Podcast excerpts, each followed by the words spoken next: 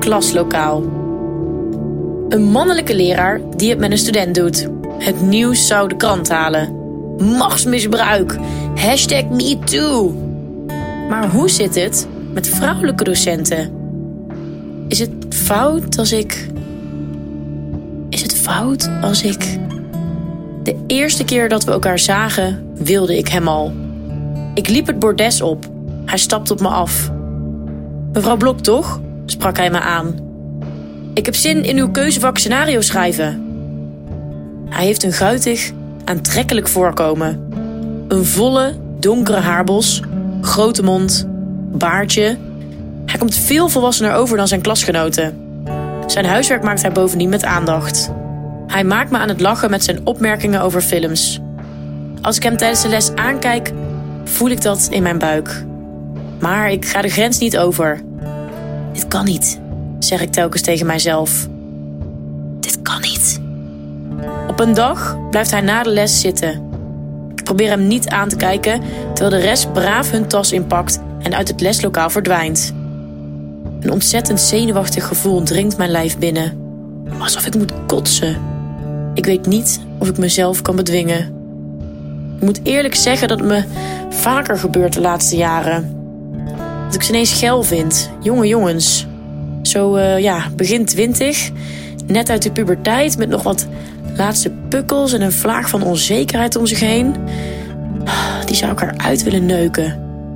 Of misschien heeft het toch met macht te maken. Dat ik eindelijk degene ben die de baas is. Als de laatste leerling het lokaal uitloopt, sluit ik de deur en ga aan het bureau naast hem zitten. Terwijl ik zijn laptop naar me toeschuif, begint hij traag met zijn hand over mijn been te strelen. Van mijn knie naar mijn dijen toe. Ik krijg kippenvel op mijn benen. Een siddering trekt door mijn lijf. Mijn ogen blijven steken op het scherm. Ik kan nu nog terug, denk ik. Gewoon doen alsof er nooit iets is gebeurd.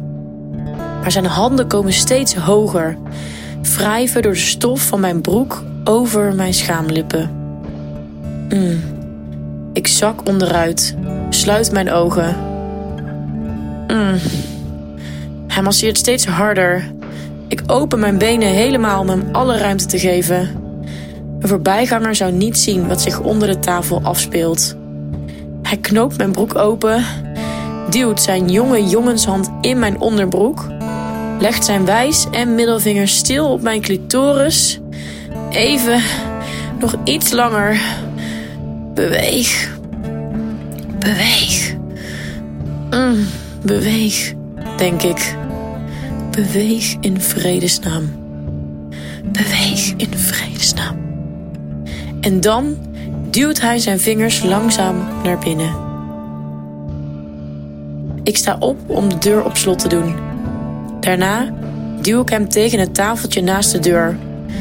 Ik ga achter hem staan en streel over zijn buik. Ik sjor zijn broek naar beneden. Mijn ene hand klem ik stevig om zijn taille. En met de ander pak ik zijn jonge, keiharde, leergierige pik vast. En ik trek hem af terwijl ik neukende bewegingen tegen zijn kont maak. Ik wrijf mijzelf hard tegen zijn jeugdige billen aan totdat. Mevrouw Blok, hoor ik naast me. Steeds harder. Hallo, mevrouw. Gaat alles goed? Met een schok en een glimlach kom ik terug in de echte wereld. Sweet Mother of God. Dank voor de fantasie. 3FM. Podcast. Bizarre kleedkamereisen. Artiesten die te laat komen of soms helemaal niet opkomen dagen. Helaas is hij ziek geworden en heeft zijn dokter gezegd dat hij niet kan optreden. Hij komt woensdag weer terug. Nieuwsgierig hoe het eraan toe gaat bij een concert van jouw favoriete artiest? De beste en meest juicy backstage verhalen hoor je in de podcast Blauwe M&M's. Via de 3FM app of jouw favoriete podcastplatform.